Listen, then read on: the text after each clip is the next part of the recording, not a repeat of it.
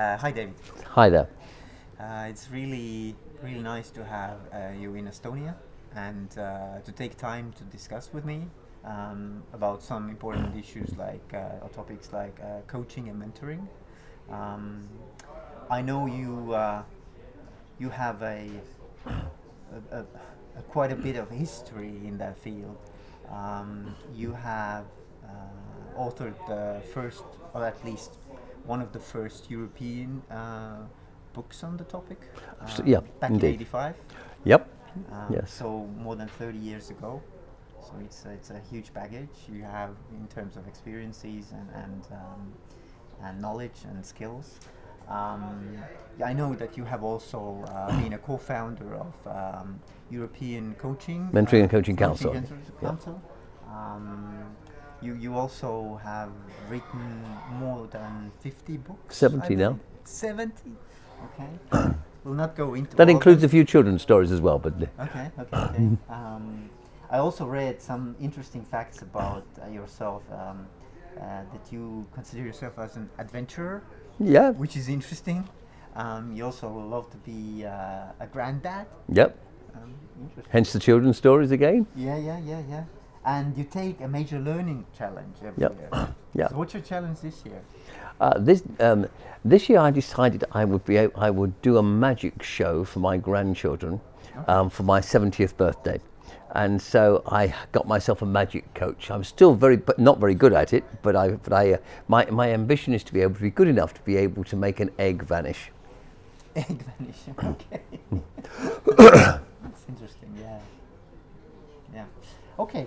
Anyway, um, shall we Yeah, that's shall we jump into the topic? absolutely yeah. Um, so my first question I always like to ask this is, um, in your opinion, what is the main job of a leader? I mean, what, what for what leader gets paid? Okay. Essentially.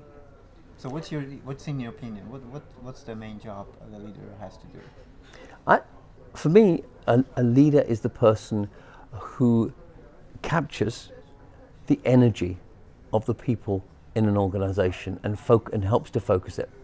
And it does, and he or she does that in many ways by helping to create a mission and a vision that, that actually inspires them, by listening to them, um, by engaging with them in all sorts of ways that actually make them feel that their contributions are worthwhile and focused.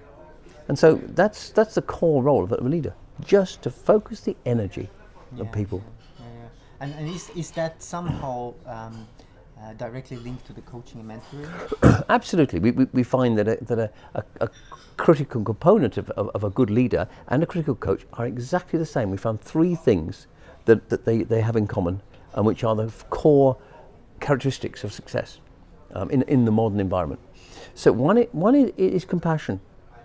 Actually caring about other people, caring about themselves as well. So being compassionate to yourself is as important as being compassionate to others. Um, second one is curiosity, really being interested in in in, uh, in people and in, and in the business and the impact of what the business has on society. So this this broader understanding of of, of, of, of what the business is about. And the last one is courage, courage to face up to the difficult questions, courage to say this strategy isn't working, courage to ask other people for feedback about how they're performing and behaving as a leader. So all of those kinds of, of, of, of, of, courage are important. So basically compassion, curiosity and courage are core to both being a coach and to being a great leader. Hmm, that's interesting. Yeah.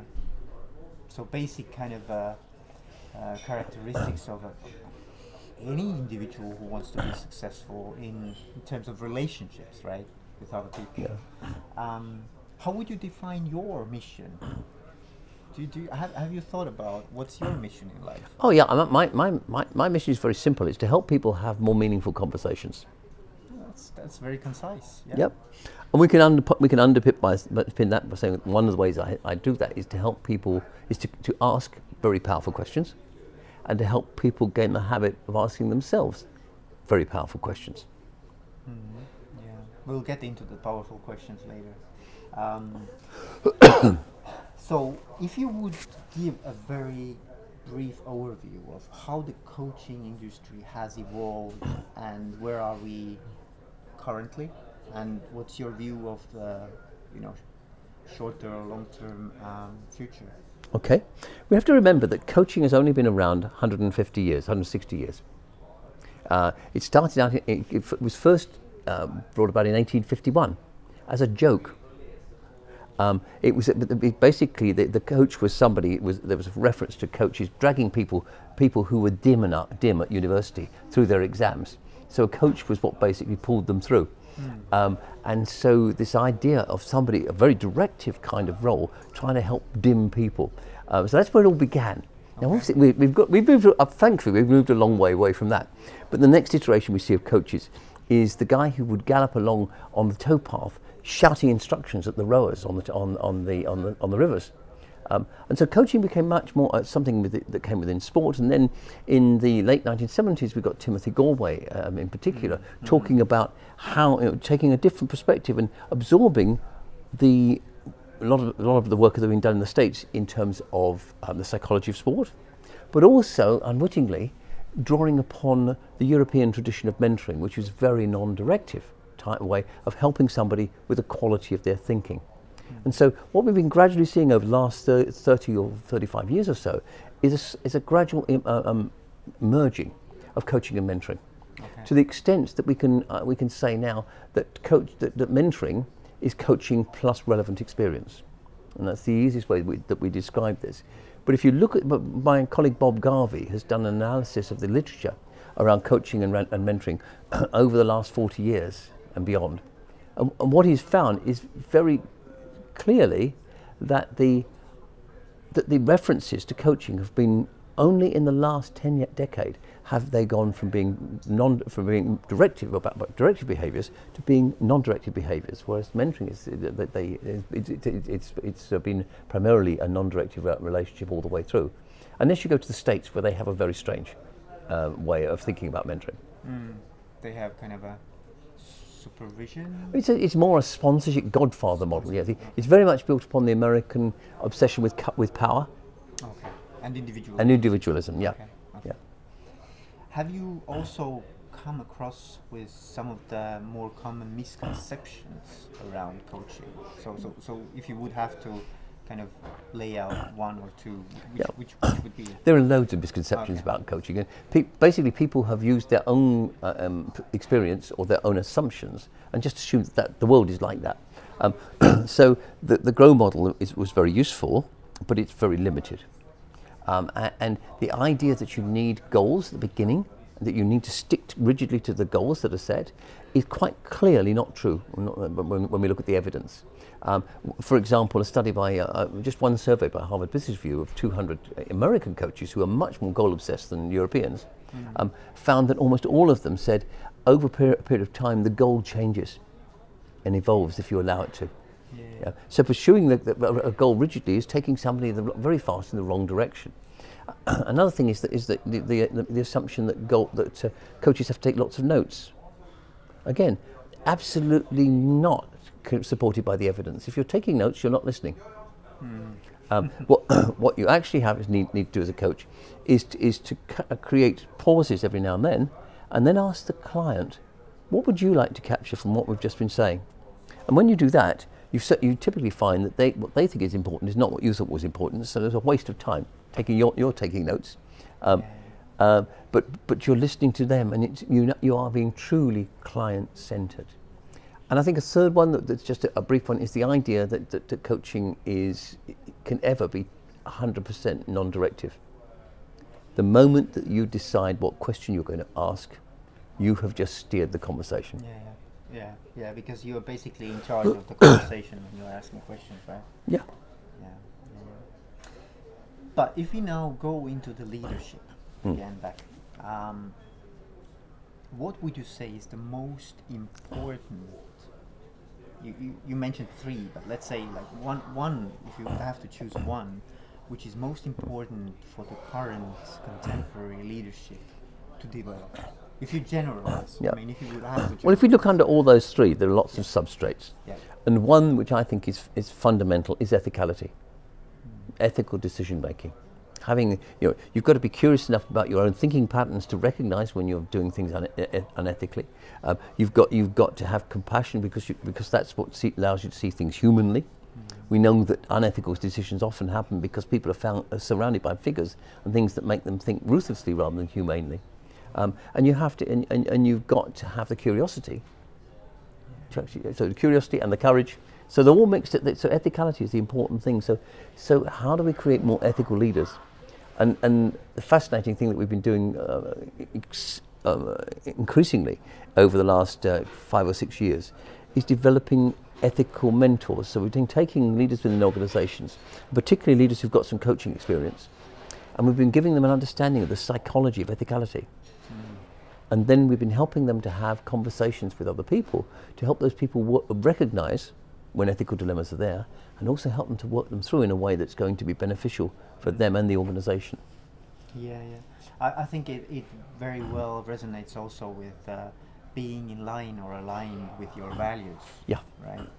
So I, th- I think this is one of the topics that I find very very interesting. That uh, if you are a manager or leader, I, I think it's it's really important to be aware what are your inner kind of uh, beliefs, values, and norms that you don't want to deviate from. Yeah. Otherwise, you feel you know at the end of the day, you feel alienated from yourself, right? Yeah. And, and, this is a big problem in, in, in um, coaches. The coaches I supervise around the world frequently are finding that one of the biggest issues that their clients face is, is inner conflict. Mm. You know, doing things, having to do things which, which, which they actually don't think are right and they would not do in another context. Yeah, yeah. Um, uh, but they get acclimatized to doing it in the organizational context, and then something makes them realize that there's this dissonance between their life at work and their life outside, and it and it worries them. Mm. Do you have any good example of a exemplary leader? Like I mean, like a real individual that you look up to, or or you would, you know, just um, showcase as an example. It, I don't think there is a leader anywhere who is not flawed. That's interesting. Um, and thank goodness. they're human. Yes, they're human. we, we, and, and what we find is, is that, that I can think of lots of, pe- of people who are very, very successful mm. um, and who built wonderful businesses. Um, but what they've done is to surround them with people who compensate for their flaws. Oh, okay, I understand. Um, and so, so it, we, I think the question is the wrong question. It's, it's not just the individual leader themselves, it's the system they create around themselves that makes things happen. Mm. And so if we, we, we, if we step away from looking at a le- the heroic leader and think about the system, now we can talk about a heroic leadership system, mm. and that becomes much more interesting. But it's not one person, it's a, it's a, it's a mixture of people right? interacting together and growing together. What, what, what do you say? I have spoken to one of the Estonian top leaders as well in the business business world, and and what he said was very interesting. He said to me that um, the ultimate goal of any leader is basically to make your job obsolete. Yes. Be- because the team will take over. You, you don't need to be there anymore. I think that's that that's that's largely true but you have to remember that, that leaders tend, particularly enterprise leaders, have an externally facing role and an internally facing role. Mm. And, and what we actually see is, is those that have really got it work, and able to take more of the external fa- facing role and leave the internal stuff to their, to their colleagues. But they've still got to do some things yeah, yeah. because people looked at them as a role model. A lot of work I, I've, I've been doing over recent years has been working with leaders, uh, chief executives and, uh, of organizations, helping them to think through how do they develop themselves into a role or, or a role for, for coaching and mentoring behaviors. Mm. So how do they how do they develop that, that, that, that become the exemplar for the culture of those behaviors? And that's quite tough because everything around them is pushing them in other directions. It's like yeah, it's a day to day in day out whirlwind, right? That, yeah, that gets you. Yeah, and I'm lucky enough to have, fa- to have found um, uh, some that have been absolutely brilliant at it. Yeah. Okay, so if, if let's say there's a uh, case where a company can only afford to make one investment into a leadership team, what should they do? What's the most important thing they should invest in? That's a very difficult question. But I think it depends upon the analysis of where the team is in terms of, of being able to deliver the highest possible performance. So the investment would be in finding out what it is that you're doing well and less well and how needed it is. So getting just focusing on the right thing for learning this 12 months. Hmm. So it's basically mapping your current state. Yeah. That would be the investment. Yeah. Like being more aware of where we are and what our strengths are and what, what are the um, uh, areas where we need to improve. Yeah, we've done a number of analyses, uh, analyses of, of the leadership literature. Yep. Um, uh, uh, I did one um, when I was look, doing a, um, uh, a piece of research looking at the highest performing teams in one of the big five dot coms. Um, with some very interesting stuff about the secure leader.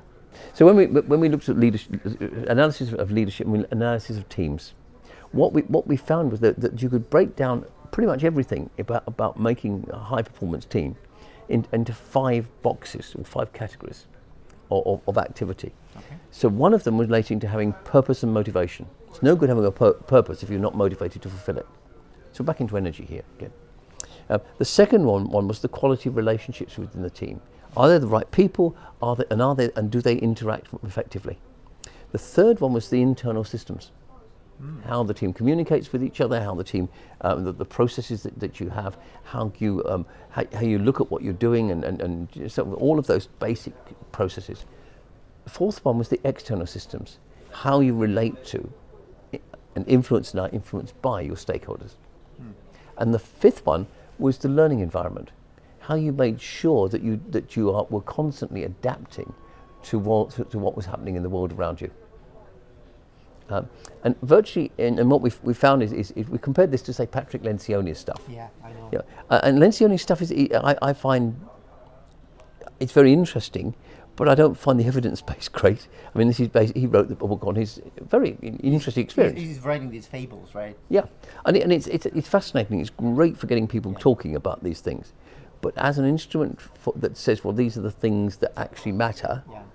Um, I'm, I think I, I would question. Yeah, yeah. I mean, he's not research-based consultant, so, so it's, but it makes sense, and and he he writes very, um, I would say, simply in a way Yeah. that you can understand even the con- complex concepts. Yeah, and I think I, I think that's that's the key the key to it. It's useful, Yeah. but but from a, from a um, a but, but I would not see the link necessarily being proven between the stages or the phases of his model. Yeah, yeah, yeah. he has this uh, five dysfunctions of a Yeah. team, which is I think the the most popular of his concepts. Uh, Yeah, yeah. Okay, but let's jump now into coaching. So, what would you say is the most important skill or attitude that the coach has to have in order to be a successful coach? No doubt, humility. Humility. Please elaborate. Um, the when we when we when we, we we put in front of coaches the research that we've done around coach maturity and how the mindset changes as you become more experienced, um, we occasionally get a pom- pompous, almost always male. I think if I think without exception they've been men. Um, person from the back of the room um, starts, and I mean the most the most the top level is we call systemic eclectic. These are the guys who really have mastered coaching. And you get somebody saying from the back of the room, "Well, as a systemic eclectic," and you think, "You idiot." Mm, yeah, yeah, yeah. Um, uh, and, and, and I think the, the, the lack of humility of so many coaches, they think they, you know, the, the, the, the failure to really listen to the other person, to want to, to understand the coaches that spend all their time making sense of what the other person is saying in their own terms, but never really listening to how the other person is making sense in their own terms, in the, you know, the other person's terms. And I think that's, that's the key. How is the client making sense of their world? If you are so self-obsessed, that you, that you, you, then you will be making sense in terms of how you th- what you think is important, and the, con- and the stories that you tell yourself, the narratives that you have. But that's not really very helpful for the client. Yeah, yeah. I was also thinking like a genuine care or genuine passion for the client to be successful or become better or, or like like you have to love your clients in a way you have to believe in them more than you than the client himself or herself Uh, believes. v- very often that's true, but equally there's a danger that comes with that, Ah. and that is that, you- that, that, you, that you, you mix up their need for success with yours. okay so so you over kind of uh, over exaggerating that Yeah, and, and what we find is that coaches get really um, upset if the, if the client didn't. We came out of the meeting, the client hadn't solved his problem. Well, that's not what coaching's about. Coaching is about helping the client advance in their thinking, and most times they'll take that, that thinking away and they'll, they'll make their own solutions up. They don't need you to do it for them. Yeah. the, the thought that you they need that you you're that you're their savior. It make, might make might do your ego a lot of good, but it's actually not coaching. I understand. Yeah, I've, I've also uh, been um, in the Gestalt psychotherapy. I mean, Yeah, great. training for that. Yeah. And one of the things that I have seen there is you are kind of a emerging therapist, and, and you really want to see your clients to, to become better, right? Yeah. So, so it's it's almost like a desperation if if if you see. Um, that things are not evolving as quickly as, as you would like to, right? Yeah. So it's the same thing, you know. It, it's it's all about his or her tempo. It's not about you. So, so you Yeah. just help him or her in, in the journey. Yeah, and, and I don't think many uh, many coaches I, I don't think are aware of just how lacking in humility they are. Yeah, yeah, yeah. Is it empathy? It's more What's than the empathy. difference between empathy and humility? Um, humility is, is, is, is, is about not taking yourself too seriously and, and about and about seeing yourself as a work in progress. Okay. Yeah. Okay. Well, uh, and the, the, the, the, the interesting comparison is empathy, sympathy, and compassion. Because empathy is feeling with somebody, and, and, and sympathy is feeling with somebody, but they carry no sense of, of um, mission to help that person Okay. become something better. Okay, I understand. Whereas compassion, you have compassion and you do something. okay. Okay. So compassion plus empathy would more or less Yeah, equal humility. yeah. So briefly, yeah, yeah. yeah, yeah. Okay. Um, one more interesting thing I've, I've, I've noticed is is there are certain stumbling blocks Hmm. why coaching is not working for a particular person. So what, what do you see in the leaders, the main stumbling block or, or, or kind of um, you know the, the barrier we need to get over in order to actually be um, able to coach a person? two, two big things. There are many, but there are two big things that come to, that come to my mind immediately. One is that leaders are so busy doing that they don't. They've lost the habit of, of thinking, of stopping and taking time to reflect. So they don't do any reflection. Therefore, um, they're not used to. So so they don't value the reflection for reflective time. Um, and then, of course, you know, if, if you don't reflect, if you don't think about what you're doing, you're wasting a lot of your time because you're doing things that aren't needed. Um, and so helping them to get this habit of saying, no, stop. So a lot of the work we've done with leaders has been to take them, to get them just to build in reflective time during the day. When you stop, Take some time off. Yeah, and, and just take 20 minutes to say, what am I doing? What am I doing now? Why am I doing this? What's important? Yeah, what would be more important to do? Just to calibrate. Step back and ask a question from yourself, right? Yeah. Um, so that's one thing. The, the other thing, the, the other big problem is that so many leaders are um, fairly high on the narciss- narcissistic stage. M- many le- leaders are highly narcissistic. Um, and in its extreme, we're into narcissistic, person- narcissistic personality disorder, we're into sociopathy as well. And the problem with somebody who's, who's at that extreme is that they cannot easily become self aware. They don't have the mechanism for self self understanding. Very good at manipulating other people, um, but they're not necessarily good at understanding themselves, and therefore they can't be honest with themselves. And yet, coaching is a process that's all about self honesty. Yeah. But, but, but I mean, th- this is a great example. I mean, it's, um, it's not that uncommon, right? Because those people are successful. Yeah. Somehow they become successful. Um, so, so, what do you think is is the possibility to actually get through to them, or, or is there a possibility? I think it depends how far gone they are.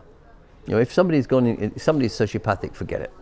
There is no way I, I you, You're you- not going to work with that person. no, it's just not going to happen. They'll try and manipulate you in all sorts of ways that they want to. Yeah, yeah, yeah. Um, uh, and typically they're not that successful. It's just that they um, th- th- they are maybe successful for a time, but the result, you know, they usually get out before things collapse. okay. Yeah, and, and when you look at the financial collapses in in, in, in you know seven eight years ago, um, yeah, most most of them were were the, the biggest problems were in organisations led by people with significant levels of um, sociopathy in their makeup. Yeah, yeah. Features or, or characteristics. Hmm. But but I think it probably depends on an environment and, and the whole kind of a culture of a company as well. I mean, if it if it's more kind of a trust-based culture or is it more kind of a, um, command and um, you know punish type of culture? Um, so I, th- I think we are coming. I mean, our history in Estonia is, is, is quite short, coming from where we are coming. I mean, we have a huge history in the Soviet Union as well, and I think the generation of leaders is just you know changing. Um, we still have a lot of leaders from that time, Yeah, and so so it's it's not that easy to change your perspective. Oh, it's not. Um, uh, but I, th- I think that part of it uh, is, is, is not. One of the reasons we've got, we've got so many of these people at the top of organisations is because we've made it easier for them to get there. And when we have rigid systems of HR, particularly HR systems and systems of identifying talent, you know, um, people, you know, somebody who smarms up to the guy above tends to be seen as talented because you know, if they see how, if they if they think I'm brilliant, then they must be talented. You look at how perceptive they are. Um, so you've got all of this. So basically, that that we, we've created HR systems which actually make it easier for sociopaths and others to get to the top. Um, we, we value people who are, who are charismatic, um, or in the modern sense of the word, um, even though in fact they, they lack the basic element of charisma, which is caring, because charisma it comes from the, the, the, its root is caring, but being passionate about things. But we confuse um, their uh, manipulative, manipulative approaches with, with, with, with the caring for other people, and of course they don't. You know, or we confuse caring for for the, um, the goal with caring for the mission and for the people. Um, and you know, the goal itself is, is, is not really.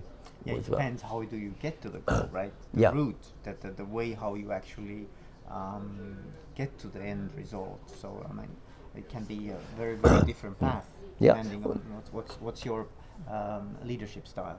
we, we, we make a big distinction between um, if something finding working out who's talented and who's not is a no is, is a nonsense game. We can't do it. Um, It's really difficult. Um, but we can work out people who've got something extra somehow, a little bit of extra life or you know, interaction or and so, forth. But one of the things we look for is is is, is commitment to, um, um, to, to to growth, you know, or, you know, commitment to a cause. Um, but is that cause themselves, or is it something bigger in the society? And it's that, and it's that trigger. If if their ambition, you know, we, lead, inevitably, people who are ambitious are more likely to become leaders. But who? What are they ambitious for? Are they ambitious for themselves, or are they ambitious for What's something the bigger? intention, right? What's the Yeah. intention? I, I think Jim Collins is talking about level five leadership. Yeah, It's- yeah. And there's a lot of Yeah, a there's a lot of different ways of coming at this, but Yeah. that's the core of it in the end. Yeah, You know, who are they ambitious for? So what's the cause? Yeah. Okay. Um, now, if we come closer to you, so so Hmm. um, I know you're doing coaching yourself as well and have clients. So if our listeners would like to get a very small glimpse of what what it looks like, what's the what's your approach to coaching, or or if if um, you would give us some kind of an overview of uh, what the person might expect, what the process would look like. Well, what I've learned through all the years of practice is that you don't try and control the conversation. The conversation happens in its own way. So all these models and processes They're useful. You can use them when you need to, but actually, we're having a conversation. And we don't try and get somebody to focus down a very sim- very rigid, simplistic goal to begin with. We actually want to understand the person to understand themselves 1st And so, whether we're talking coaching or mentoring, we're, help, we're talking about a, a conversation that firstly allows somebody to understand their own internal workings better, their values, their, their, their aspirations, their dreams, um, their strengths and weaknesses. and then we're also that conversation. We also have a conversation. The conversation also includes the external world. What's going on out there? What are the opportunities for them? The threats, the challenges. Who then? Who who are, who do they influence, and who influences them? Um, and so forth. So there's, there's, there's those two conversations. Coaching and mentoring link those two conversations. So you can you link with the understanding of yourself with the understanding of the external world, and then you come to better decisions. And that for me is the core of, of, of what we're doing.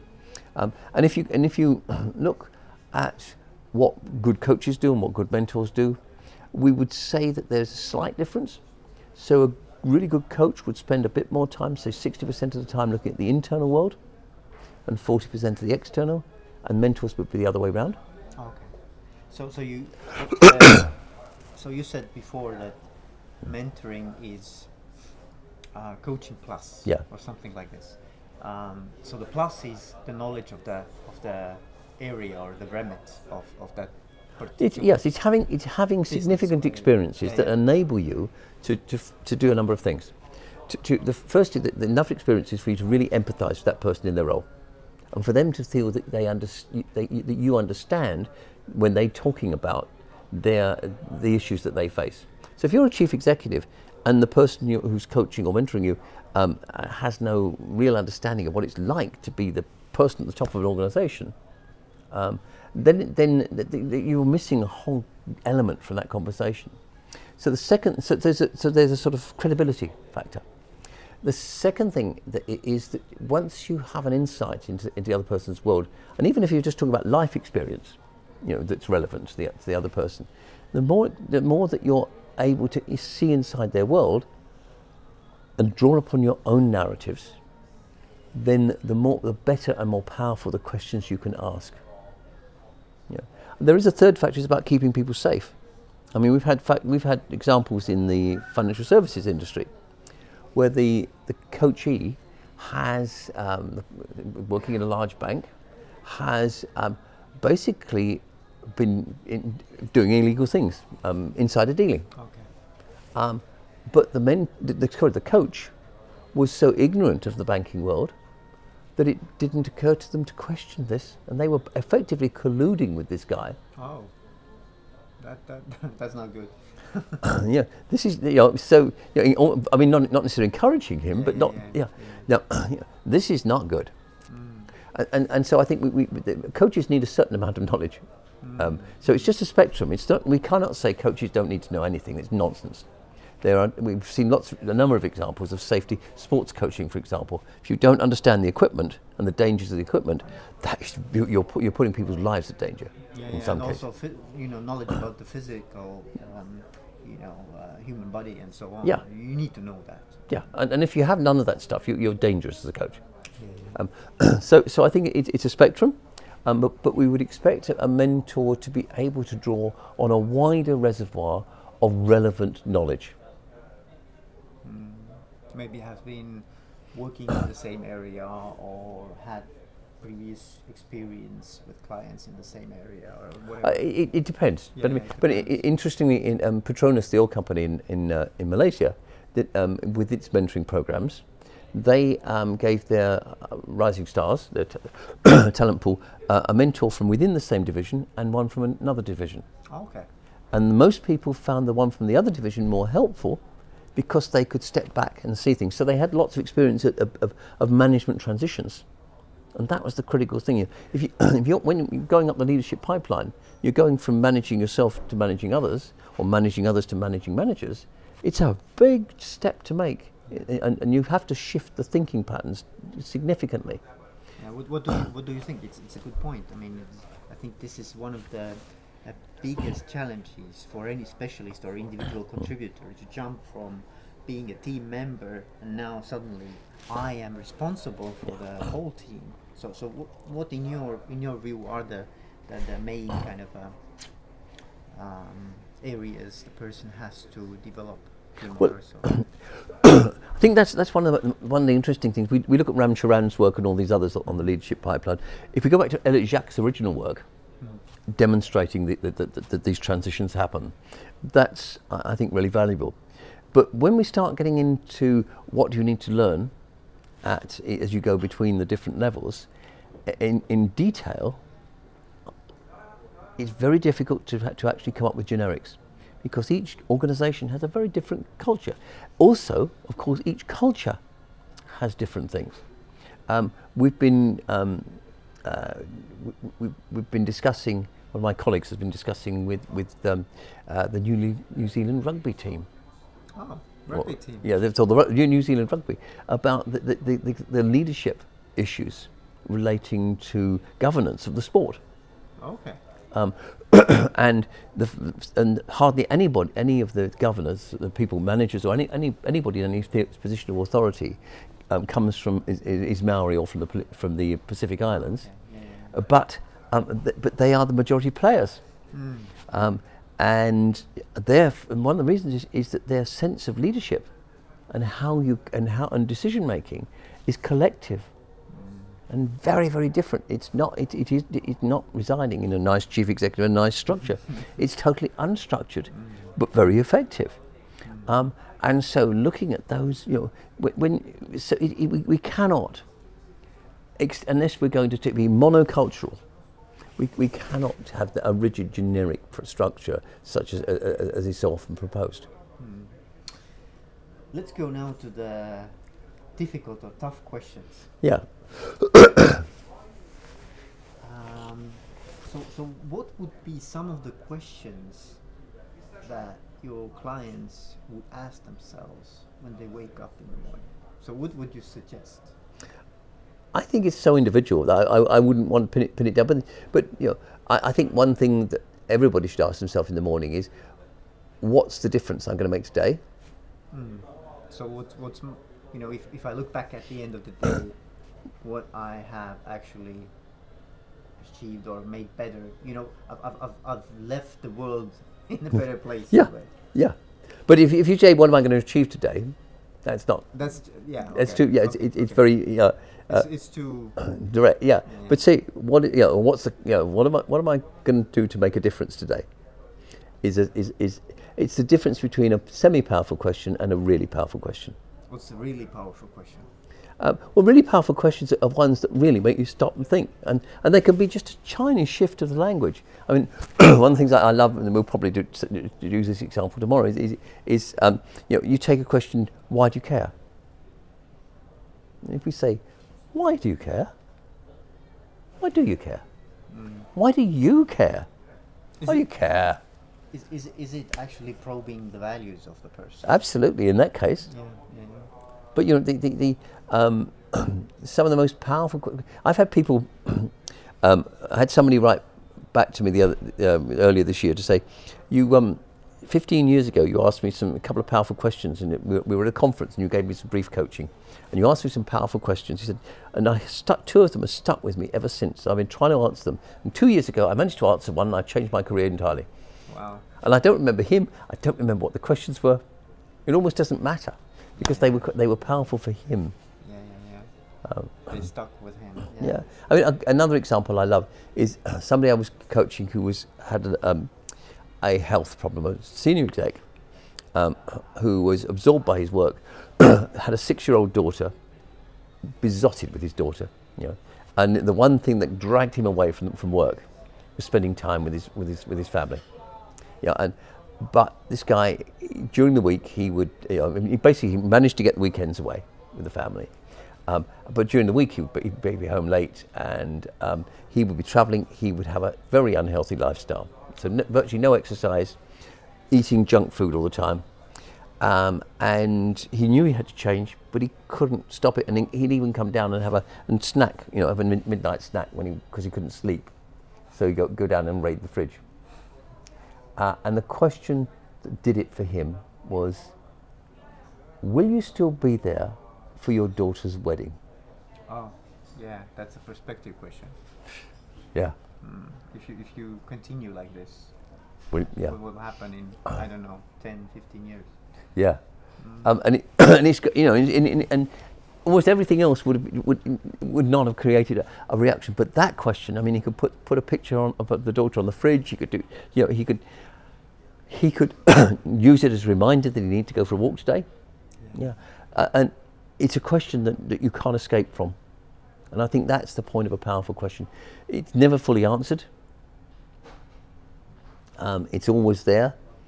It's very, very personal. Um, it seem it, it, has a very strong emotive impact and values. It, you know, so, so all of these factors, we've been stu- we've studied and, and deconstructed hundreds of them, and they all tend to fit, fit the, the same sort of pattern. Uh, it's like a hammer in your face, basically. Yeah, yeah. Okay. Um, You know, it's a powerful question if you stop and say, "Oh shit." yeah, yeah, when, when it, you're kind of taken aback a bit, yeah. Um, what would be a good question, also a tough question, when you have a leadership challenge as a leader? What, what, what would you suggest to ask from yourself? There are a number of questions. One is the ethical question. How would I feel about the way that I'm approaching this if we were doing it in public? Hmm. So, but everybody would be knowledgeable and it will be transparent in a way. Yeah. Hmm. Um, so that would be one, one, big question. Another one would, be, what are the, which of my values is most important here? And am, am I aligned with that value in a way? Yeah. Yeah. But first, you've got to name which, because your value can be, you, you've probably got a values conflict. so, which value is most important here and why? Okay. hmm hmm That's a good one. Yeah. Yeah. Yeah. Um, and then you can have lots of other questions like, will I feel, will I like myself more or less at the end of this? Mm. yeah. Or will I, or will, will I respect myself more or less at the end of this? yeah, yeah. Can I, in a way, can I look in the mirror with a good conscience? Yeah. And those, those are, I mean, those just some of the questions we can ask, but I think that they're, they're, they're great just to get people to stop and really stick, well, what am I doing here? and Why am I doing this? Who am I doing it for? Mm. and then I would like to get your perspective on, on how much actually in any client's progress um, is, is, is an impact of the coach or someone else? What, what, what's your kind of gut feeling? How big is the, the, the impact of or influence of a, a coach and what, what's, what's the influence of other uh, factors? I, That's a tough question, right? It is. It is a tough question, and I, and and I guess let, us come at it sideways. You know, um, if the coach is having a high influence on the client, that does not necessarily mean that that's good coaching. Okay, that's interesting. That's a paradox in a way. Yes, it is. Mm. So, what we want is the the ultimate aim of coaching is to help the client have the conversation they need to have with themselves. Internal. Yeah. So if if the com- if it's with with um, if the conversation is something that they're having with us, and the, the more that we're involved in that conversation, the less effective the coaching is. Mm. Okay, so so basically, the effectiveness of a coaching is not so much about what the coach does. It's more about whether the client has done the work him or herself. Absolutely. And so, and so in, in, in essence, we're doing, you know, you, you're, more by, by, by doing less. And we're- and we're creating the environment where the client can have that conversation with themselves.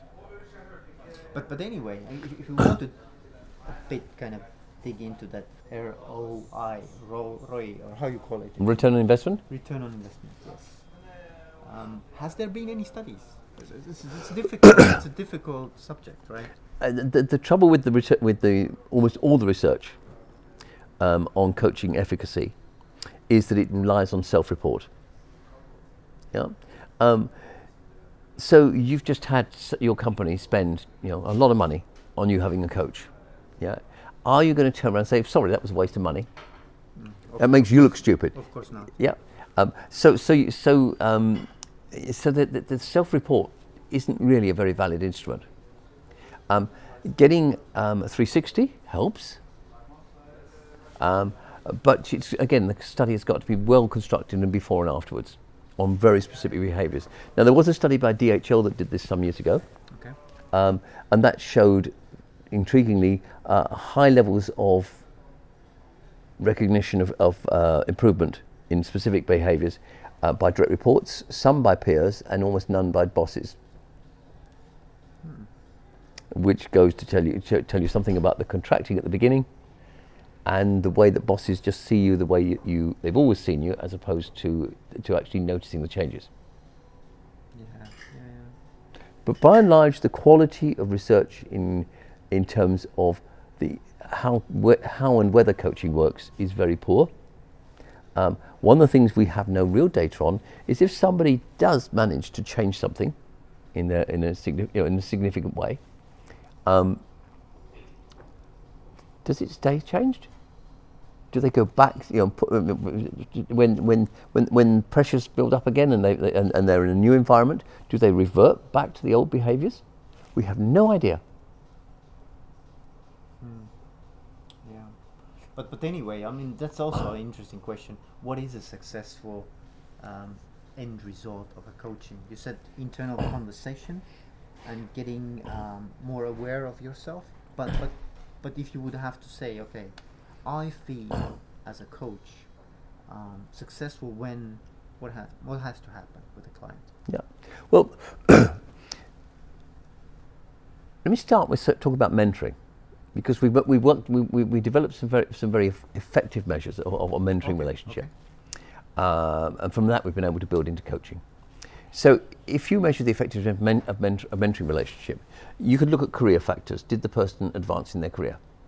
Now you can't all, you, you know, to what, and you can only apportion some of that to the mentoring, but you can say it hadn't. Yeah, know, there might be third factors, right? yeah, yeah. Yeah. But it, it may have contributed to it. Second thing is to their learning. And that's the moment you can attribute that pretty closely. You know, so what did you learn as a result of this? That's useful.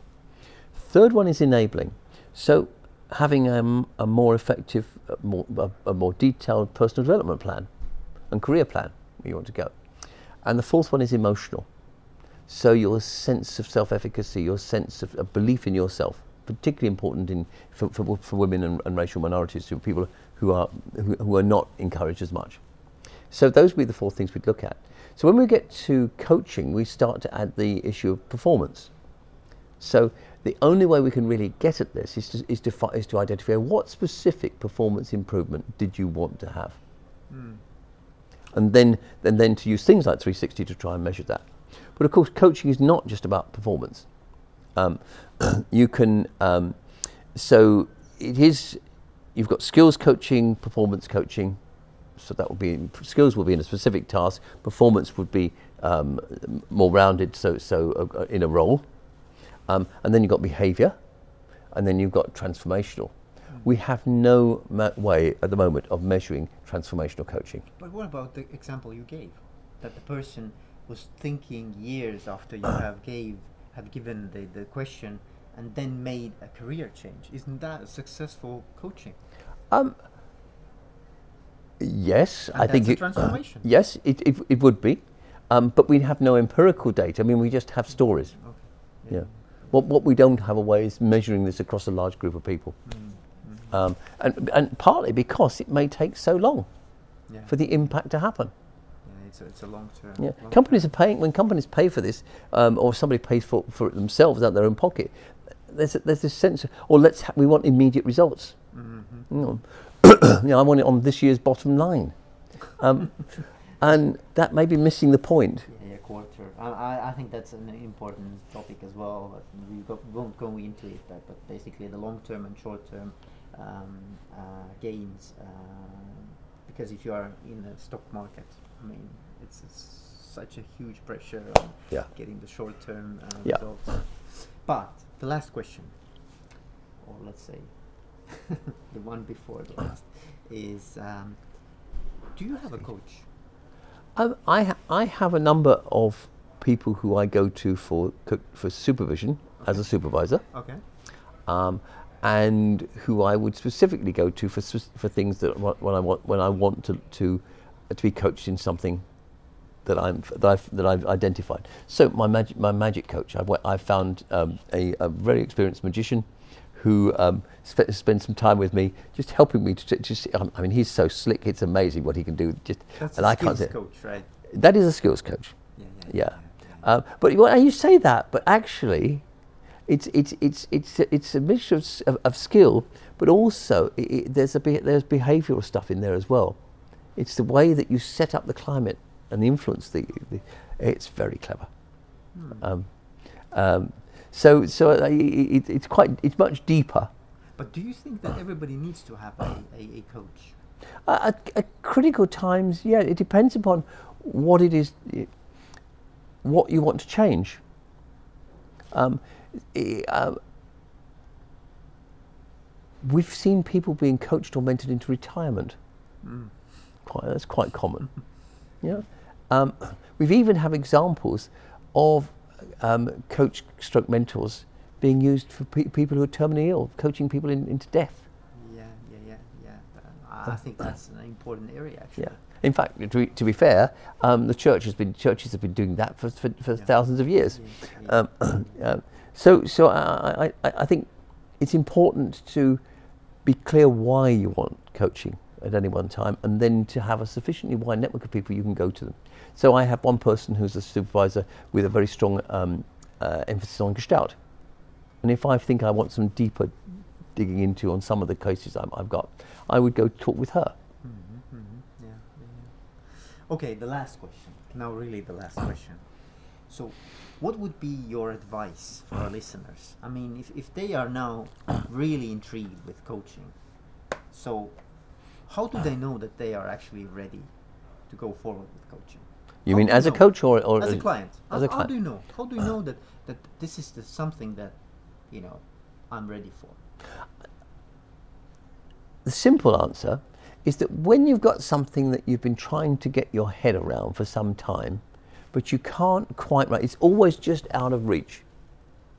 Um, that that you, you, can, you can think about it, but the answer is elusive. It's out there somewhere. And you, you, you lack the language or the structure to be able to, sort to work that, that issue through. It's just maybe too complex or it may be too vague. Or, or you are afraid, maybe? or you may have fears yeah, so all of those things so if it's if if it's sort of hovering on the edge of your of your of your insight that's the point when you when a coach can be of great value mm. because they can help you bring that thing that's out there closer to you so that you can actually touch it and feel it and envision it in a, in a, in a, in a way that enables you to work with it and come and decide what you want to do with it if you want to do something with it. Because very often the outcome of coaching is to say, okay, I'm going to live with that, but now I can let go. I don't need to worry about it. Um, and one of the things that we get people to do, um, we talk about significant unresolved issues, SUIs. And these are things that you have a level of worry about not having sorted out in your head. Yeah, yeah, yeah. Um, and we can we have a, lo- a finite capacity for this stuff. You know, um, and we've tried various experiments over the years to try and get a hang, handle on how many of these can people have and what, what strength can people have. It, it, it's it- it's very variable. There's no generic rules that we can we can create. But if but if you if you're able to list the things that you're worried about and give them an anxiety score from I really don't care uh, right the way through I'm in panic about this. Uh, so from one to ten, and then just put them down. See how many of you've got. If you've got a lot of tens, you're in real trouble. You need to. You need. You need some. You need some. You don't need coaching. You need. You need ca- Professional help. professional help, Yeah, therapy. yeah, yeah. Um, but you know, if you've got the sort of normal mix that mo- most of you do, then you look at the things which keep coming closer to the surface, the bigger numbers, and you say, okay, could I do with some help just working through those? And those are the ones you pick off and say, right, I'll go, I'll go and get a coach to help me work through as many of these as I can over a period of time. Thank you very much, Professor David Clutterbuck. It's a pleasure. Yes, and I wish you all the success in the future. Okay. Yeah. Thank you very much. Thank you.